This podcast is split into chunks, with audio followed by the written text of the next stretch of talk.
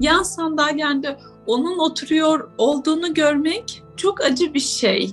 Çünkü o kişi bizim hayatımızı mahvetti. Eşim kaç yıldır tek başına bir hücrede yaşıyor. Ben küçücük bir kızımla yabancı bir ülkede mülteci statüsünde hayatımı ilerletmeye çalışıyorum. Altı aile parçalanmış oldu. Altı ailenin yuvası yıkılmış oldu.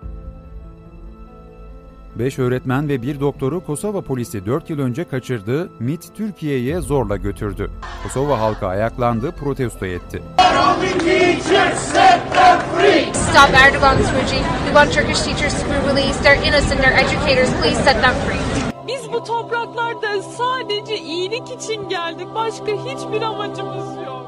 Aileler parçalandı, Birleşmiş Milletler duruma müdahale etti. Çok geçmeden skandalın başını açtığı gerçekle yüzleşen Kosova devleti failleri yargı önüne çıkardı. İki tane şahit dinlendi. İkisi de Cekova'ya e, gönderilen ve e, üç tane Cakova'dan üç tane öğretmen alındı. Onlardan ikisiyle e, havaalanına kadar eşlik eden polis memurlardı.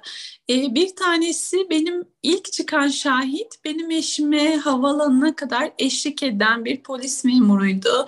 E, olayın nasıl olduğunu, kimlerden emirler aldığını, e, kimlerle görüştüğünü, olayın nasıl gerçekleştiğini an an e, bize mahkeme salonunda anlatmış oldu.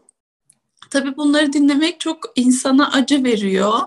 E, olayın gerçeğini e, bildik, yaşanılan süreci yaşayan ve yapan kişiden dinlemiş olduk.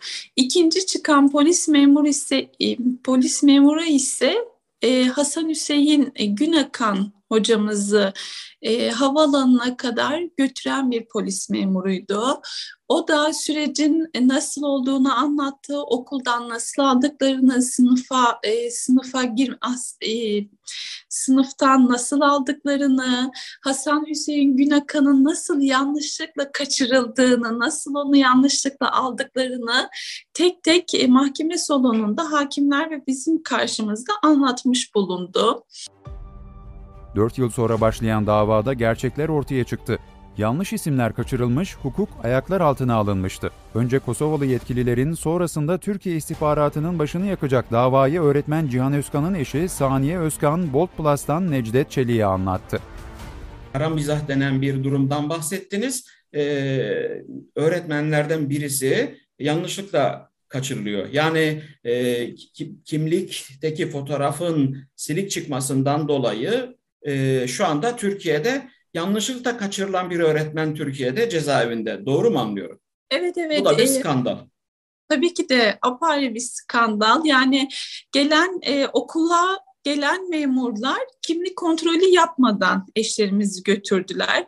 Yani okula geldi sen Cihan mısın? Evet ben Cihan'ım hadi benimle gel.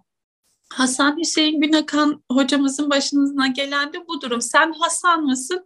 Evet ben Hasan'ım haydi Hasan gel gibi oluyor. Hasan Bey'in de e, yani istihbarat Hasan Bey'in de fotoğrafını çok iyi kalitede vermediği için e, memur böyle karşılaştırma yapamıyor. Hasan haydi Hasan gel diyor. Yani dün biz de hatta mahkemede böyle soğuk bir gülümseme oldu. Sen Hasan mısın? Ha, evet Hasan'ım. Haydi Hasan benimle. Hasan Bey de yani hiç aklına böyle bir şey gelmeyeceği için okuldan bir kaçırılma operasyonu yaşayacağını bilemediği için e, gidiyor. Yani böyle çok samimi bir şekilde gidiyor. Dünkü çıkan memurlar e, biz olayın bu noktaya geldiğini, gel, geleceğini bilmiyorduk. Havaalanına götürdüğümüzde olan olaylar karşısında biz de şok olduk. Ertesi gün medyadan medyadan takip ettiğimizde çok üzüldüklerini, e, vicdan azabı çektiklerini söylediler tabii ki de mahkemede. Yani buna nasıl e, yani nasıl tepki vereceğini insan maalesef bilemiyor. Saniye Özkan eşini kaçıran ve ona işkence eden polislerle mahkeme salonunda göz göze geldi. Polisler alet oldukları skandalın utancı içinde. Evet yani Hırpalayarak mı? evet hırpalayarak e, uçağa bindiren kişi olduğunu söyle, söyledi. Sonrasında tabii mahkeme salonuna girince yan sandalyende onun oturuyor olduğunu görmek çok acı bir şey. Çünkü o kişi bizim hayatımızı mahvetti. Eşim kaç yıldır tek başına bir hücrede yaşıyor. Ben küçücük bir kızımla yabancı bir ülkede mülteci statüsünde hayatımı ilerletmeye çalışıyorum. Ee, yani ceza alacaklar inşallah. Almalılar da.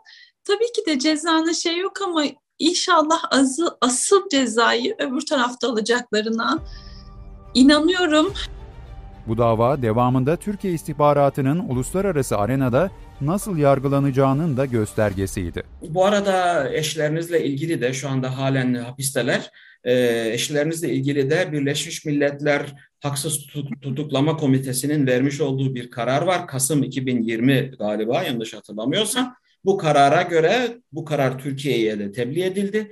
Eşlerinizin hukuksuzca iade edildiği birçok orada madde madde sayıyor e, insan hakları ihlallerinin yapıldığı bir dizi hem de bir bir tane değil ve bunun üzerine de e, bir an önce salı verilmesi gerektiği şeklinde de bir Birleşmiş Milletler kararı da var. E, buna rağmen e, Türkiye'de bu karar da uygulanmamış olduğu benzer birçok karar da var bu süreçte uygulanmayan.